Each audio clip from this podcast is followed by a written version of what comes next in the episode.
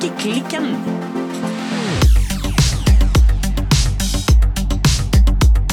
Hallo, Silje. Hallo, Birte. Silje, Ja, strikker du i dag? ja. Ja. Selvfølgelig gjør jeg det. Fins bare ett svar på det. Klart, selvfølgelig strikker jeg. Hva mener du jeg skal gjøre? Nei, jeg vet ikke. Jeg vet ikke, Tromme, liksom? Ja. Nei da, jeg strikker. Jeg strikker i vei på min eh, Tove-sweater fra Gregoria Fibers. Ja, hvordan går det? Du, det går finfint. Den Ja. eh, bolen er ferdig. Ja. Den ene armen er ferdig. Altså, motorveien er ferdig allerede? Motorveien er ferdig, skuldrene er ferdig, halsen er ferdig, den ene armen er ferdig. Å, herregud. Du, jeg er veldig glad jeg har strikkepodkast sammen med deg. For at liksom en av oss kan liksom keep it up. Ja, nei, altså Det eneste problemet jeg har å melde fra om, Ja. det er at jeg er i ferd med å gå tom for garn. Så jeg må Ja. eh, to the Batmobile og i ja. garnbutikken igjen. Ja. Men eh, det er nå et overkommelig problem. Og så var det andre lille problemet jeg hadde. Var at når jeg hadde strikket hele bolen og halsen Halsen på den strikkes dobbelt så langt som man skal være, og så skal man sy den ned. Så Ja. det gjorde jeg. Ja. Og så prøvde jeg den. Ja. Og da var det sånn Ja, det går jo for så vidt over hodet hvis jeg tvinger den og drar litt og jobber litt. Oh. Men det ble for trangt. Ja. Det var ikke selve strikkingen som var problemet, det var rett og slett eh, sømmen der jeg hadde sydd den ned. Ja, så hva gjør du da, da? Nei, da måtte jeg bare rekke opp igjen de, de, de lekre, de vakre, vakre stingene mine. Ja. Tråklingen min. Ja. Og uh, sy den ned med mye løsere sting. Gi det litt rom. Ja. Ja. Men den blir eh, Den blir altså i bråtet og i halsen, så blir denne genseren ganske trang. Og det vil jeg at den skal være, fordi den jo på midten er Den blir som et slags eh, bær. Eh, Ja. Hva slags bær? Nei, jordbær, bringebær, Ja. you name it. Litt sånn, sånn pæreforma bær? Ja, så, jeg vil nå kalle det epleformet bær, da, men bær, ja ok. Men i alle fall, sant? sånn at hvis den Det er jo også Den er jo strikket i trippeltråd mohair. Ja. Og i Det kalles vel forenklet patent, eller halvpatent. Halvpatent, ja. ja. Så den er jo veldig fluffy og veldig tjukk. Og skal jo da ikke henge tungt, sant? Den skal jo samles. Eh, Være tjukk og god på midten og strammest rundt hoftene. Men du, du sa du trengte mer garn. Yes, I do. Hva garn eh, bruker du? Og bare et sånt eh, ekstraspørsmål med en gang. For du setter sammen flere tråder med garn Ja. i samme, så da har ikke det noe å si at det er samme parti, for eksempel. Nei da, det er Neida. skitt potet. Her er det Jeg strikker med trippel mohe- tynn mohair, silkemohair. Nå er jeg faktisk litt usikker, men jeg mener den garntypen jeg kjøpte, het Untold. Ja, det stemmer. Ja, det stemmer Ja. faktisk, sier Ja, du. Det er, jeg er glad du følger Jeg med på hva det. Ja. Den hadde jeg aldri hørt om før. Nei. Bare hyggelige ting å si om den, altså. Det Mhm. var litt sånn um, Grunnen til at det ble den, var at når jeg kom inn i garnbutikken, så syntes jeg den fargen var så vakker. Ja. Strikkene har seg med trippeltråd, én En i fuchsia. Ja. En i eh, Jeg tror det var burnt peach eller noe sånt. Og Ja. en i winterberry. ja, disse detaljene husker ikke jeg, dessverre. Nei, det er tre forskjellige nyanser av rosa. Ja. Three eh, shades of eh, pink. Det måtte komme. Det måtte jo det. Men jeg vet ikke, jeg tror ikke jeg har så mye mer å fortelle, nei. trenger du det, du, Det går jo så fort fram at Nei, altså Jeg tror du har rapportert det viktigste nå.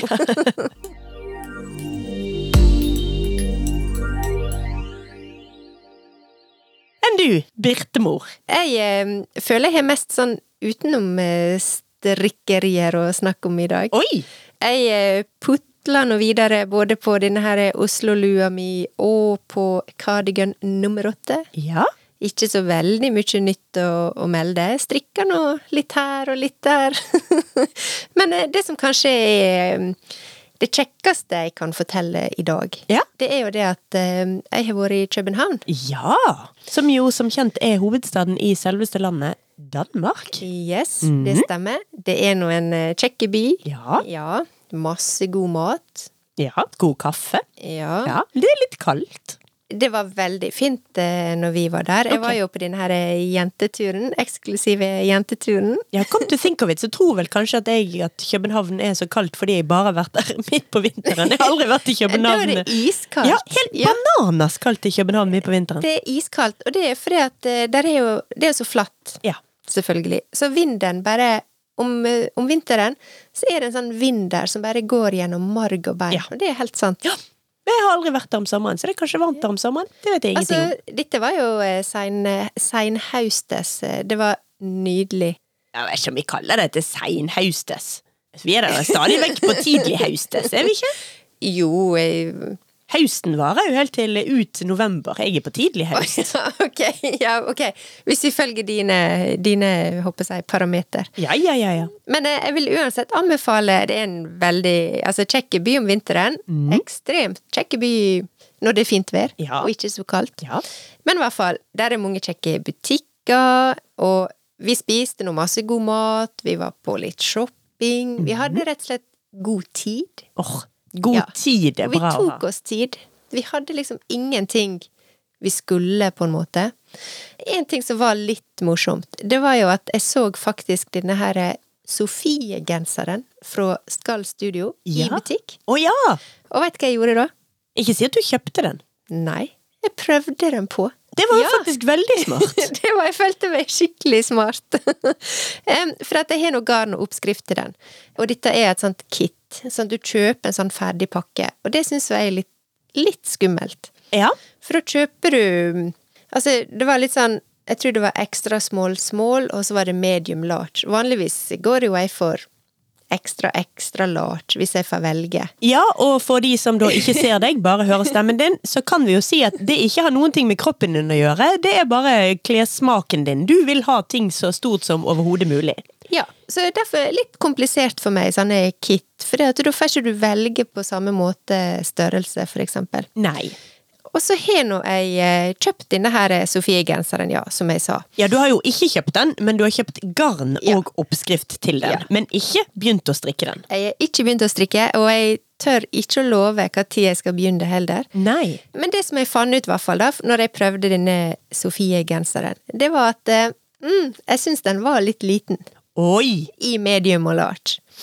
Så nå vet du det at du må ha den i ekstra, ekstra, ekstra, ekstra, ekstra large? så det det jo ikke. Men eh, når jeg nå en eh, vakker dag, eh, en eller annen gang i lang framtid, skal begynne på den, så tenker jeg at da må jeg i hvert fall gå opp en pinnestørrelse, Ja. og så prøve å liksom Det var ikke sånn at den var liksom kjempeliten, men den var mindre enn jeg liker å, å ha det. Ja, jeg skjønner Ja. hva du mener.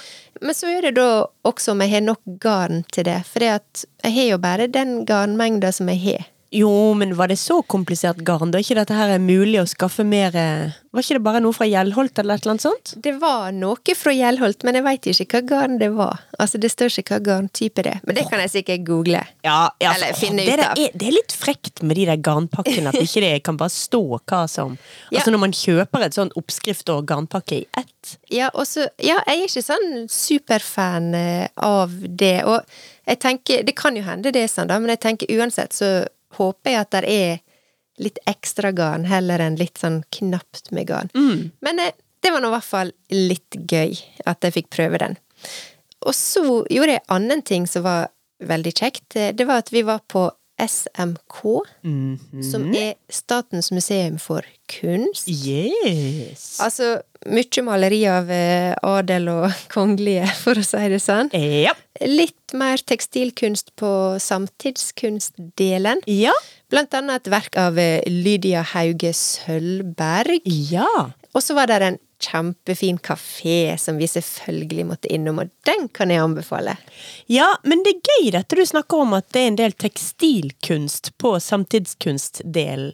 For jeg, altså, dette har vi jo snakket før om i Strikkeklikken, at tekstilkunst er en eh, på, Altså, hvis du kjører tilbake liksom 20-10 år tilbake i tid, så var tekstilkunst mye mer marginalisert i samtidskunsten. Den er kommet mye mer eh, inn eh, på full fart. Det syns jo jeg er kjempegøy. Ja, altså, det var i hvert fall veldig tydelig der, for det var liksom en sånn gammel del, på en måte, og så var det nye delen. Og det er klart, gamle delen er maleri og skulpturer. Ja, og og- omtrent kun det. Ja, men også for 20 år siden så ville nydelen bestått utelukkende av konseptkunst. Mens nå er da materialbasert kunst, og da også tekstilkunst, som jo per definisjon veldig ofte er materialbasert kunst, Ja. kommet inn mye mer som en del av samtidskunsten. Så det, er ja det, jeg liker det.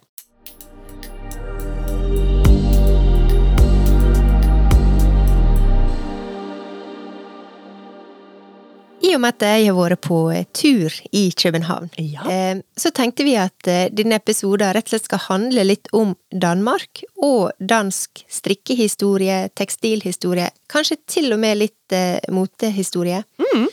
Men jeg satt og skulle researche og finne litt eh, material til denne episoden. Og det var veldig vanskelig å finne veldig mye om det. Og det syns jeg var veldig merkelig, for danskene de har jo veldig lange og stolte tradisjoner for både design og mote. Ja, de har det. Og altså, når det kommer til strikking, så, eh, så har jeg tittet litt på strikkehistorien i eh, Danmark. Ja. Og i boken Traditional Scandinavian Knitting av Sheila McGregor, der kan man lese at eh, strikking var rett og slett populær i Danmark før noen av de andre skandinaviske landene. Det var der det hele skandinaviske strikkingen begynte. Ja. Danmark er jo som kjent en del av fastlandseuropa. fastlands-Europa. Ja. Den ligger jo mye mer tilknyttet de andre landene enn eh, Norge og Sverige, og for ikke snakke om Færøyene og sånt. Ja. Sånn at man tror at det spredde seg fra eh, Tyskland og de såkalte lavlandene, altså Nederland og den slags. Men i Danmark begynte de ganske tidlig med å strikke nattrøyer og litt luer og den type ting. Og de har en del mønstre som de fortsetter å strikke helt opp til, eh, til 1900-tallet, faktisk. Det eldste fragmentet fra, altså strikkefragmentet man har i Danmark, det er funnet fra en utgravning fra 1600-tallet i København. I denne boken eh, Traditional Scandinavian Knitting, der står det at den lille biten, den var farget med indigo. Oi. Men jeg syns det er litt grann rart, så jeg har litt lyst til å bare komme med påstanden at den kanskje ikke er farget med indigo, men rett og slett med Vaid. Oi. Som jo vi Ja. lærte når vi var på Vaid plantefageri, at det er da den skandinaviske indigoen. Ja. Men det er klart, dette er bare noe jeg eh, tror. Men det finnes altså eh, noen gamle fragmenter og sånt. Men det som også er ganske gøy med dansk tradisjonell strikking, det er at eh, helt fram til 1900-tallet, i alle fall ifølge en som heter Minna Holm Klausen, så strikket de i Danmark på det som vi tenker på, i hvert fall jeg da, tenker på som den engelske og amerikanske måten å eh, strikke på. Ja. Altså denne her høyrehåndsstrikkingen. Ja, denne kastinga, Ja, den der rare Jeg har faktisk aldri strikket sånn, så jeg skal ikke Nei. prøve å forklare det. Men det er noe med at vi vi som kan strikke, altså vi som strikker på den norske måten, vi har jo. Ja, vi har jo tråden liggende over den venstre pekefingeren vår, pekefingeren vår. Ja. Mens i, eh, på denne andre måten så har du da tråden liggende over høyrehånd. Du gjør et sånt kast for hver greie. Og det var altså den vanligste måten å gjøre det på i Danmark helt fram til 1900-tallet også. Visstnok. Så det er jo en sånn morsom greie. Men nå strikker de altså på den skandinaviske måten. Eller den riktige måten. I Danmark også.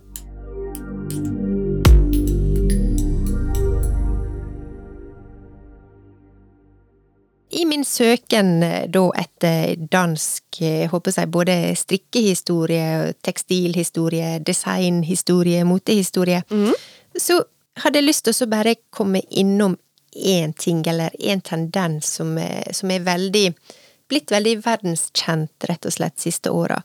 Og det er denne her tendensen som heter scandicool.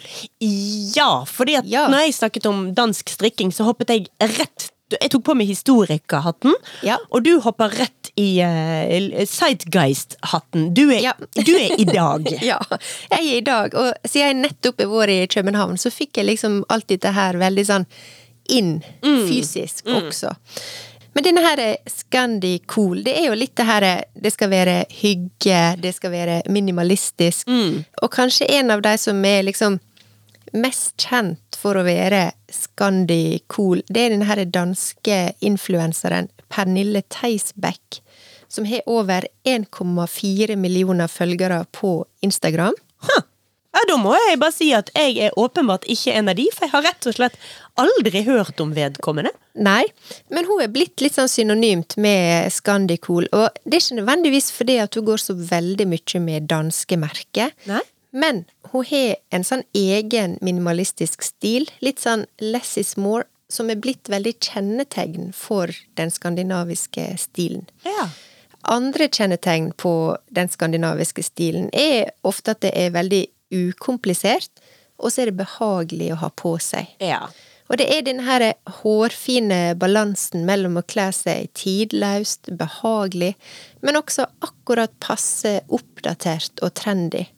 Og så vil jeg si at denne her skandinaviske stilen si triumferd siste kanskje 10, kanskje 15 åra, det har jo noe med at vi er veldig frampå digitalt i Skandinavia. Vi har verktøyer, vi har, vi, håper vi har internett, vi har wifi.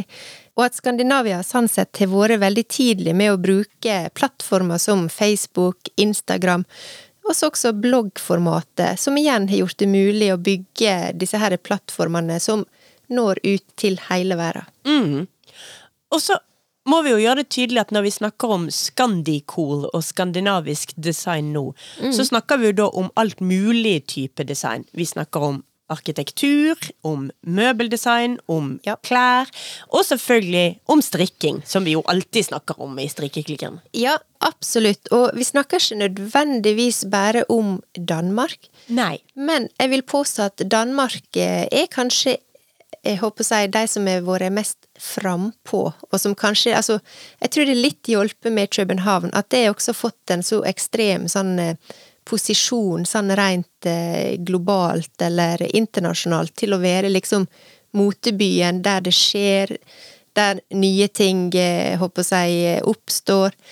København er jo blitt kåra til liksom verdens beste by å bo i oh, ja. i ganske mange år eh, på rad. Så det er liksom, de har fått en voldsom sånn internasjonal eh, schwung over seg. Ja. Så selv om når vi snakker om Scandicool, så snakker vi også om Norge, Sverige og Danmark. Men jeg tror Danmark er liksom kanskje de som er blitt mest liksom fronta som Scandicool. Ja, jeg syns jo det er morsomt at man liksom ikke trekker Finland inn i det samme, som jo også har kjempesterke designtradisjoner, sant, med Marimekko og Alvar Alto og alt dette. Men det er en egen greie. Finsk design har sin egen eh, hva skal vi si? Schwung? Ja. Smak? Ja. Retning? Så jeg, uten at jeg har så forferdelig gode ord for hva altså begreper for å beskrive Scandicool, så gir den meg det helt tydelige assosiasjoner med en gang. Og ja, det er et eller annet som passer veldig med Danmark der, som en sånn ledende einfyrlykt i Scandicool-estetikken. Absolutt, og jeg tror jo også dette handler om den eh, sterke designhistoria og tradisjonen som finnes i Danmark. For eksempel tenk på møbel og interiør. Ja. Og det er klart du nevner Finland. Artec er jo absolutt en del av denne her Scandicool-bølga også, som er jo da av eh, Alvar Alto. Men når du sier Marimekko, ja, da er vi på noe helt annet igjen. Fakt ja. Ja. Marimekko Marimekko har jo ikke denne Scandicool-feelingen. Nei, der er en annen estetikk der. Det er det. Altså En annen ting som jeg forbinder veldig med Scandicool, er jo også dette her er veldig naturlige. Sant? det skal være en veldig naturlige farger. Du bruker naturmaterialer i møblene og husene. Sant? Det er stein og tre og minst mulig bruk av plastikk. Og bruker du plastikk, så bruker du det i veldig sånn naturformer. Og så er det ofte noe veldig sånn nedtonet i fargebruken. Det har ingenting med denne Barbie-coren vi snakket om her for noen episoder siden. Nei. Så det er noe helt annet. Det er noe annet. Og så er det også viktig når vi snakker om Scandicool, det er jo det at eh, Jeg nevnte i stad det her med komforten og det at det skal være behagelig. Men det skal også være litt Litt praktisk. Altså, det er kaldt her vi bor, og vi går ofte med altså, joggesko, komfortable sko. Det skal være lunt, det skal være varmt, vi skal ikke fryse. Så der vi bor, er også med på å liksom skape eller påvirke denne her looken, da. Ja, og jeg vil jo også tro at i alle fall når det gjelder klesmote, så handler dette Altså den Scandicol-stilen den er også kraftig eh, påvirket av feminismen i Norge. Mm. Som jo var mye tidligere ute enn f.eks. i Italia og ja, Spania og Frankrike. Hvor de franske damene trippet rundt i mye trangere skjørt og vondere sko ja. enn norske damer som hadde kledde seg friere. Ja, og disse her eh, Det lærte jo vi håper jeg, når vi snakka om eh, Pers bok. Disse her er franske damene som tripper rundt i klær som var valgt ut av mannen sin. Ja, ja. Det var jo ikke noe norske kvinner gjorde. Det, det sluttet de med tidlig her. Ja. Så vi har jo en helt annen tradisjon for feminisme her.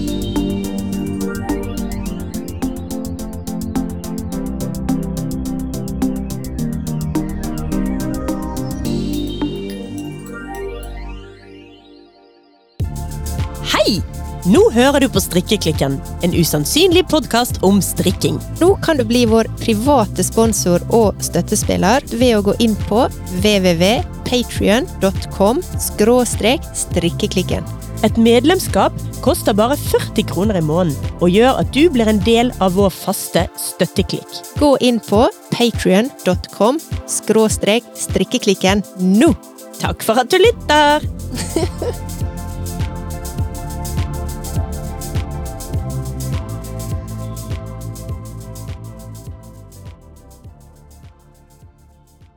Men altså, i min jakt på danske tradisjoner og designhistorie, det var én ting som eh, poppa opp der, og det var jo passende nok eh, dette begrepet hønsestrikk. Ja, hønsestrikk! Som vi har snakka om eh, før, men dette var jo en motreaksjon på den liksom klassiske og tradisjonelle måten å strikke på, og der det var også veldig mye disse her strikkepakkene eller strikkekit Mm. Eh, det var ikke lov å kjøpe eget garn, du kjøpte ikke oppskrift, du kjøpte en pakke med ferdige farger, og alt var forutbestemt. Så den der hønsestrikken, det gikk jo ut på håper jeg, gjøre sin egen greie, og litt sånn opprør i hver maske. Men dette er, føler jeg er litt eh, symptomatisk eh, for hele den danske historia, på en eller annen måte, eller designhistoria. Mm. For at det er en ting som jeg har funnet ut, eh, og dette er en fullstendig eh, sjølheimekoka teori. Okay. Men en ting er i hvert fall sikkert, og det er at dansk håndverk og mote, de ser ikke bakover. Nei. De er veldig, hva skal jeg si, nåtidige, mm. og ser om noe kun framover. Det er veldig fokus på innovasjon, og det er dette som også er med på å gi en veldig sånn moderne look men på den litt sånn tidløse og veldig kule skandinaviske måten. Mm. Og det syns jeg passer så godt med denne her hønsestrikken også, for det er liksom et opprør eh, mot eh, det gamle, men, og der en også ser framover. Og jeg vil påstå at eh, denne her danske designhistoria, det er rett og slett ei holdning. Okay. Eh, og ei holdning om å være innovativ, om å gjøre nye ting, skape mote, om å være liksom Scandi-cool, og ikke disse her altså fysiske ting eller gamle tradisjoner.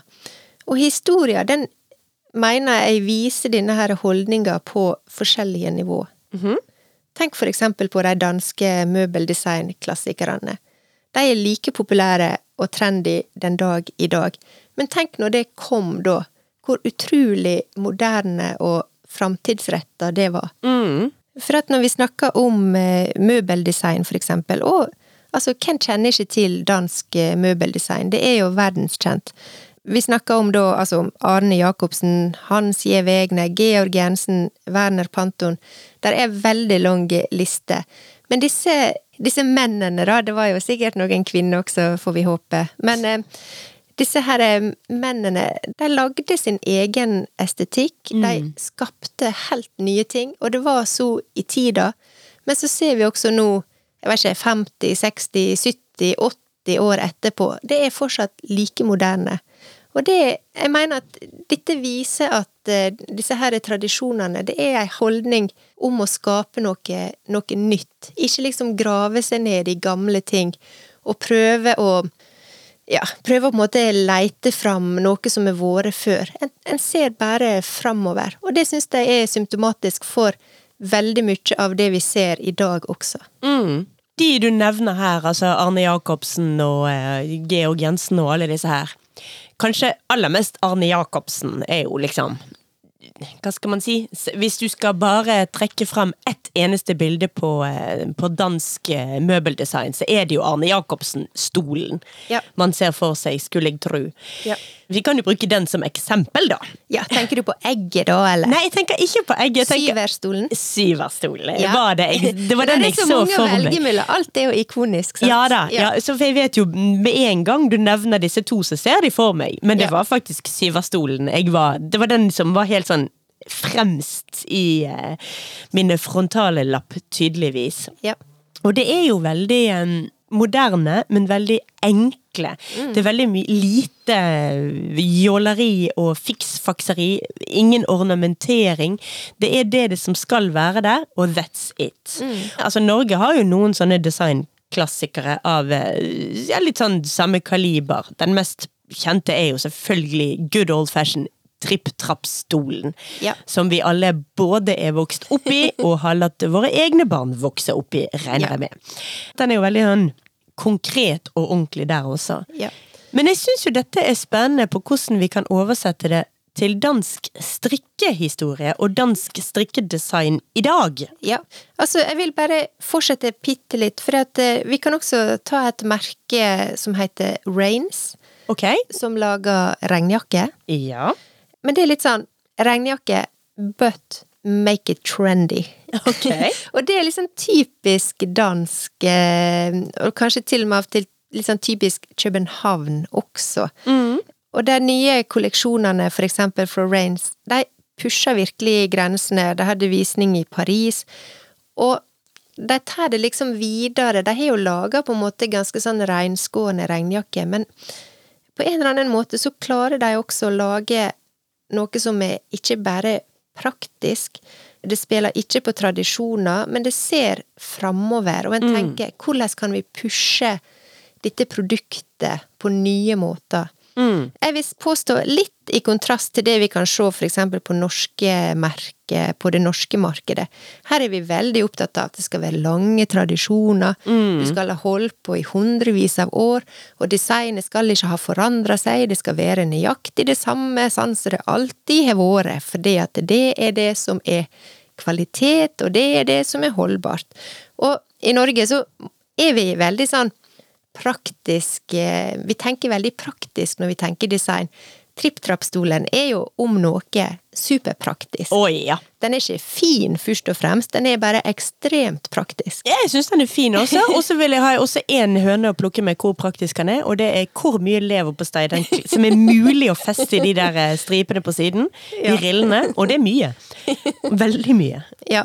Nei, men altså, I Norge så måler vi liksom Det er akkurat som vi har litt andre parameter, og det å være på en måte moteriktig eller sånn, det gir ikke så mye kredibilitet i Norge. For det at mote er liksom Nei, det er ikke verdt noe. Men gi meg ekte håndverk, gi meg lange tradisjoner, og noe som kan vare i år etter år etter år. Og helst også være superpraktisk, for vi går så masse på fjellet. Da er vi der. Men i Danmark så er ikke det sånn. Nei, jeg syns jo det er litt eh, vi, syns du er litt dogmatisk og streng nå. Jeg syns vi er litt i bevegelse i Norge også. Det er klart, Absolutt. Og ingen, jeg håper jeg, ingen regel uten unntak, eller eh, ja. det er klart altså i Norge, i kanskje aller mest i tekstilhistorie så er vi vanvittig opptatt av tradisjoner. Bunaden må jo nevnes her, altså. Men nå er det jo faktisk, og det, men da snakker vi om de siste fem-seks årene, har det jo ikke bare blitt lov, men også faktisk framsnakket og populært å lage sine egne varianter av bunad, eller festdrakt, som det jo da må hete.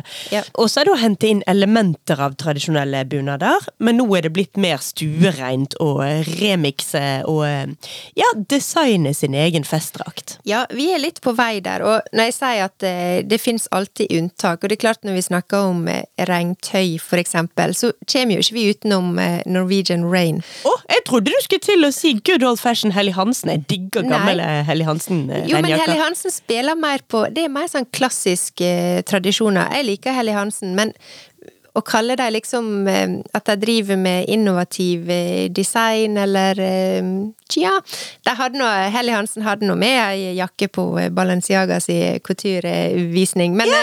la nå det være et annet kapittel. Det passer ikke inn her.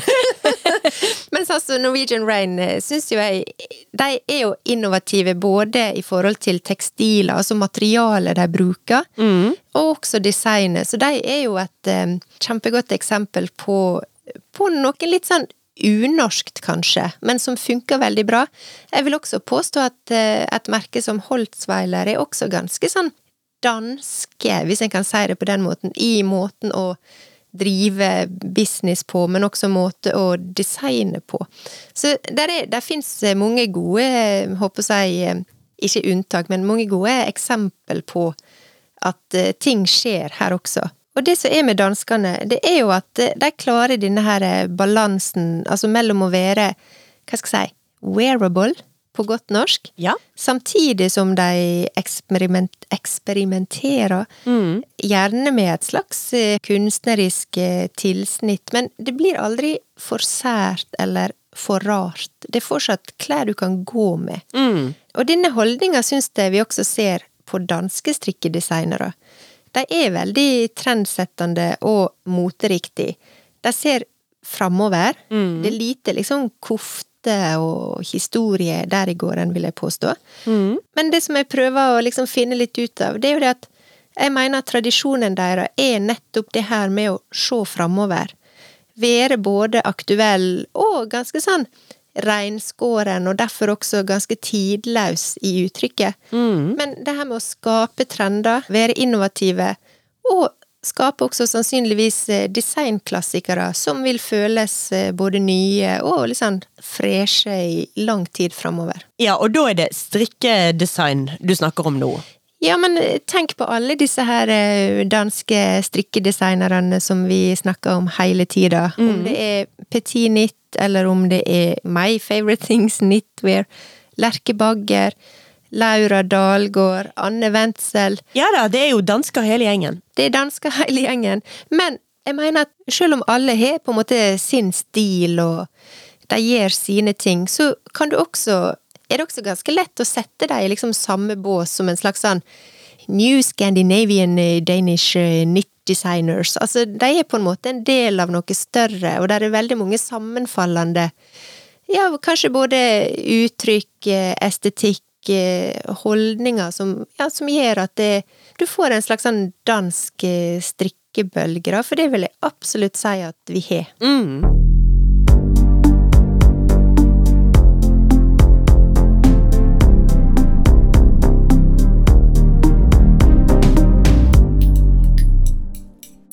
I dag så snakker vi da en del om eh, dansk strikking.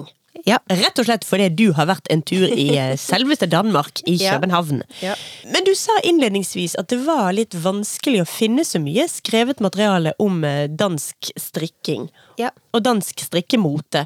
Men jeg syns jo egentlig du har funnet mye og kommer med mye, liksom. Du har klart å samle mye tråder her.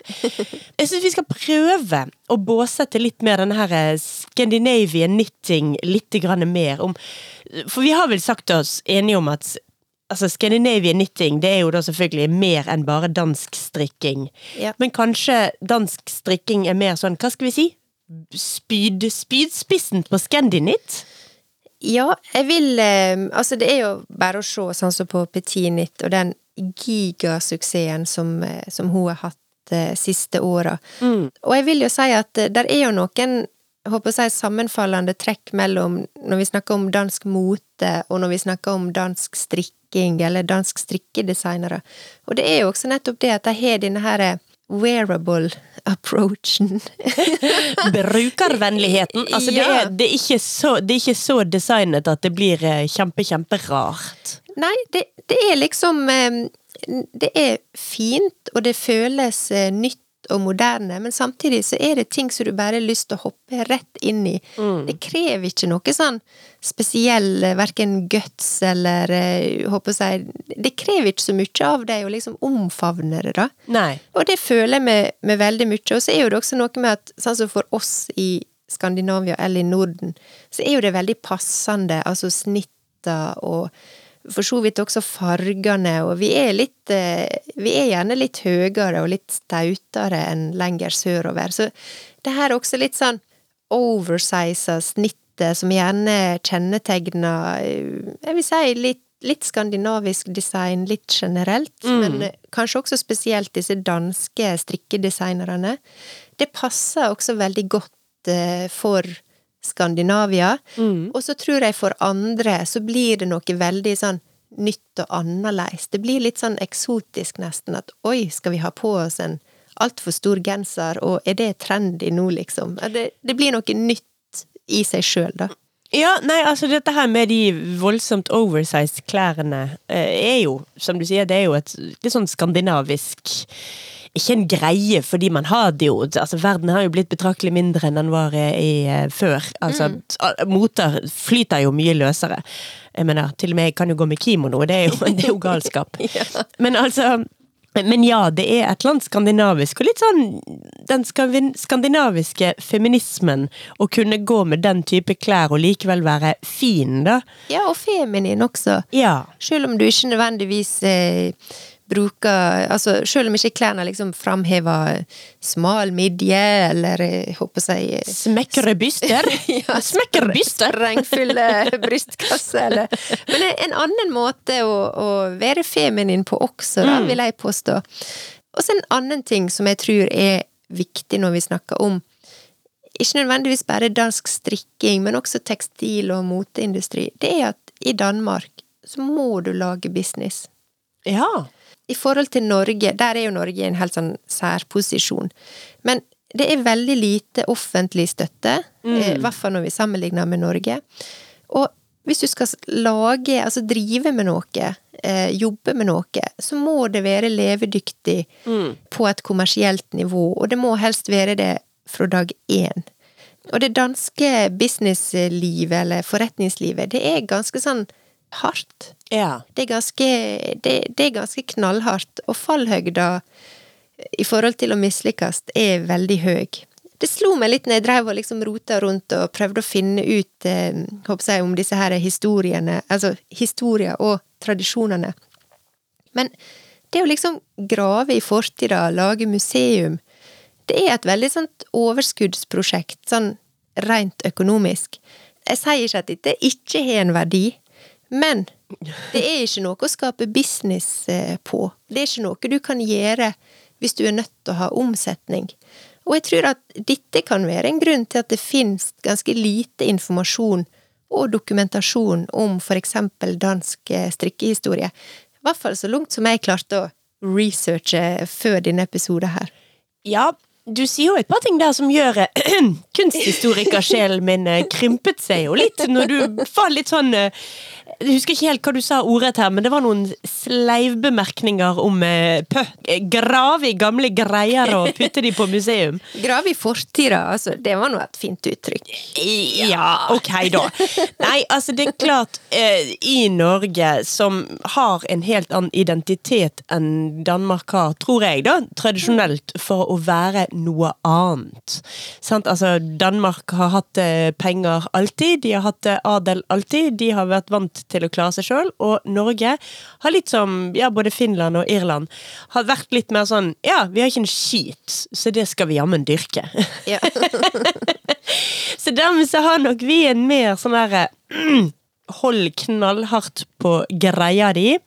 Eh, det ser man jo bare en sånn Ja, du ser jo det språklig, sant? Altså Dansk Hvis du sammenligner norsk, dansk og islandsk, da så er jo det en sånn tripp-trapp-tresko-modell på hvordan man adopterer nye ord.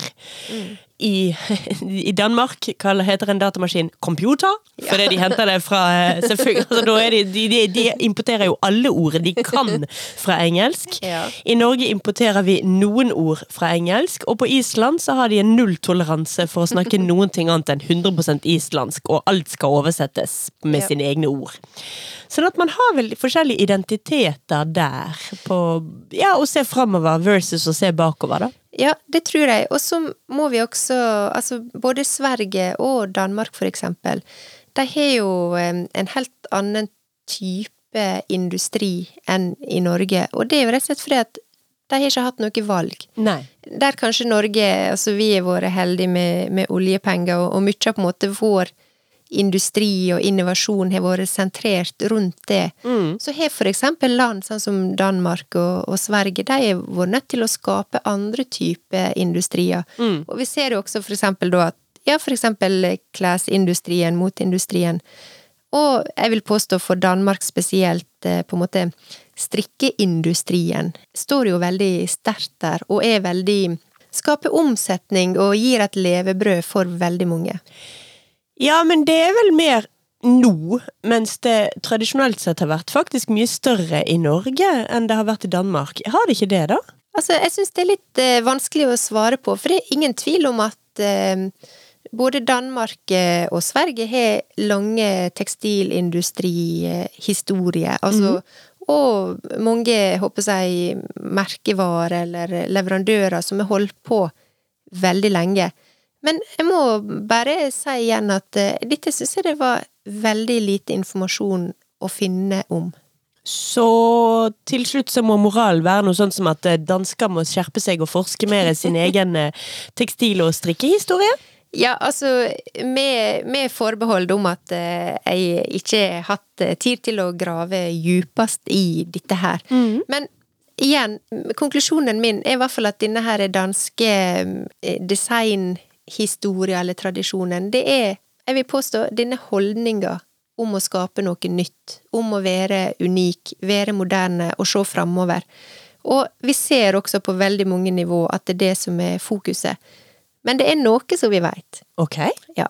Og det er at nålebinding, som vi da veit er jo på en måte jeg vet ikke, tipp, tipp, tipp, tippoldefaren til strikking, eller kanskje vel så det. Jeg tenker vi kaller det i hvert fall den eh, the OG måten å strikke på, som var nålebinding. Ja. Ja, det er jo noe som, eh, som folk har holdt på med i flere tusen år. Ja. Og i Tybring-Vig i Danmark Ja. så er det faktisk funnet fragment fra tøy som er framstilt av nålebinding, som de har klart gjennom karbondatering å estimere til å være fra år 4200 før Kristus.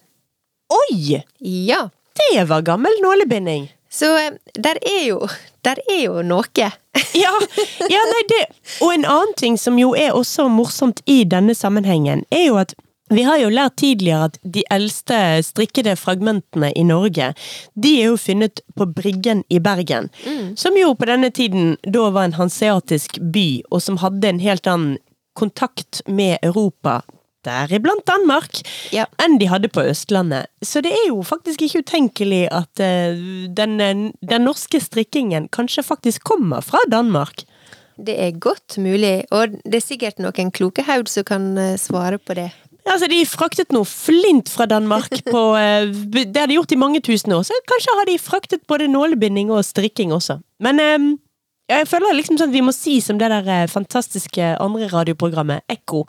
eh, Dette må det forskes mer på. Ja.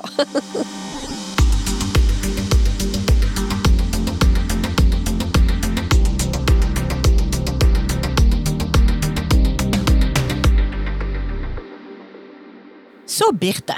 Ja. Eller jeg føler i dag må vi kalle deg Birte. Birte. Birte? Ja, det er jo et dansk navn. Yeah, yeah.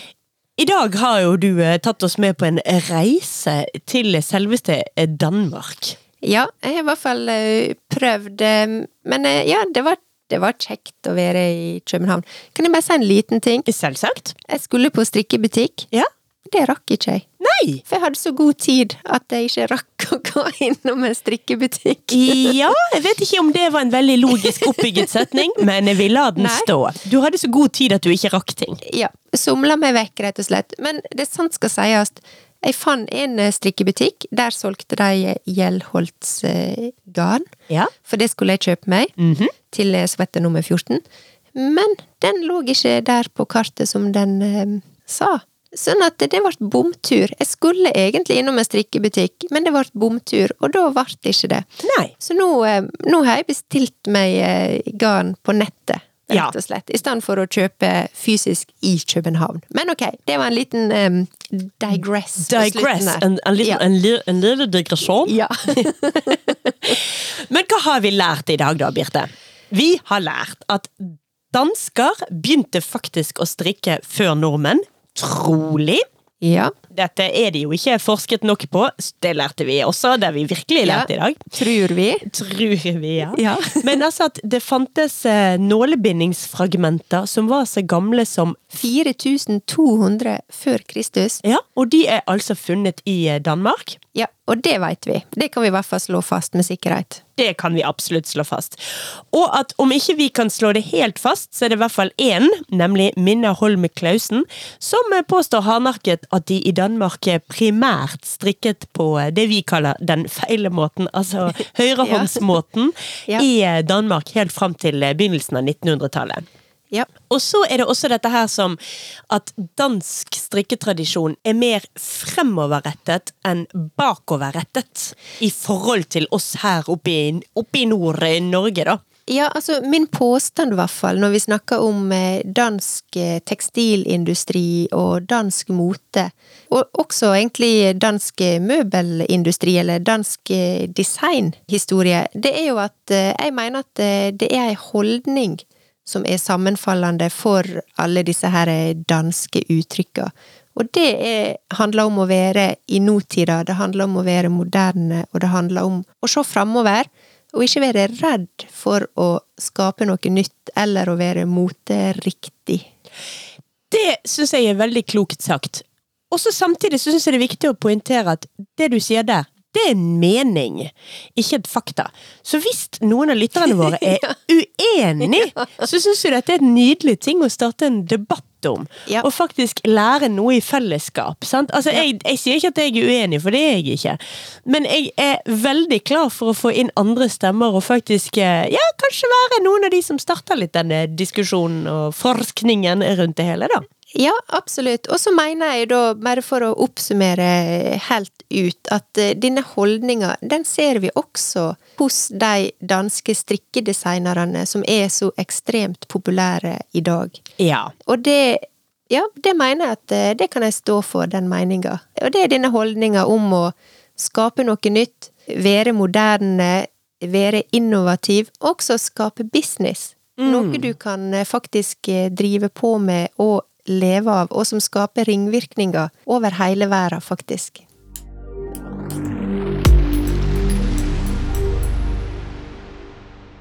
Men eh, det, Birte, var faktisk det vi hadde tid til i dag. Ja, du, nå sitter jeg og rekker opp handa litt, for jeg har et bitte lite tips eh, på tampen her. Oi, oi, oi! Skal vi få ti- tid? Ja, vi, vi tar det. Jeg mener, hva skal de gjøre, da? Skal de gi oss sparken for at vi gikk over tilmålt tid? Ja, eh, la dem prøve. Hvem nå enn de er. Hvem nå enn de er, ja. Kom med tipset ditt. Ja, vi har jo snakka tidligere om eh, Laura Dalgård. Ja, som jo er en dansk strikkedesigner. Yes, og det var derfor det passa så bra. Fordi at eh, hun har jo laga en av de kuleste strikkegenserne som jeg vet om. Ja. Denne her med alle disse merkenavna på, i eh, ja, til og med ganske crazy farger. Men eh, den genseren takes it away for me. Ja. Men hun er kommet med en ny versjon av den genseren. For at den her er genseren med alle disse merkenavna på, det var jo et kunstprosjekt. ja, og da må vi jo si, si tydelig at hun strikket inn logoene til litt sånn high fashion-merker. Ja da, det var Prada, og det var Dior, og Hun lå langt unna Cubus-logoen, for å si det sånn. Ja da, det var ikke Dressmann som sto der, for å si det sånn.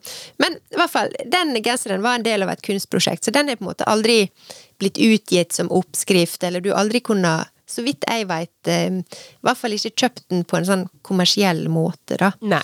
Men nå har hun laga en ny versjon av den genseren, som er ganske lik, men i stedet for eh, merke, altså motemerke, så står det planeter. Oi! Så det er liksom samme, bare at det står eh, Venus, eh, Neptun, Merkur.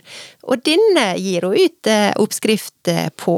Så gøy! Så den finnes det nå. Og så var det en liten ting til, og det er at Laura Dahlgaard også har gitt ut bok. Oi! Si første bok, den heter En samling av stryk.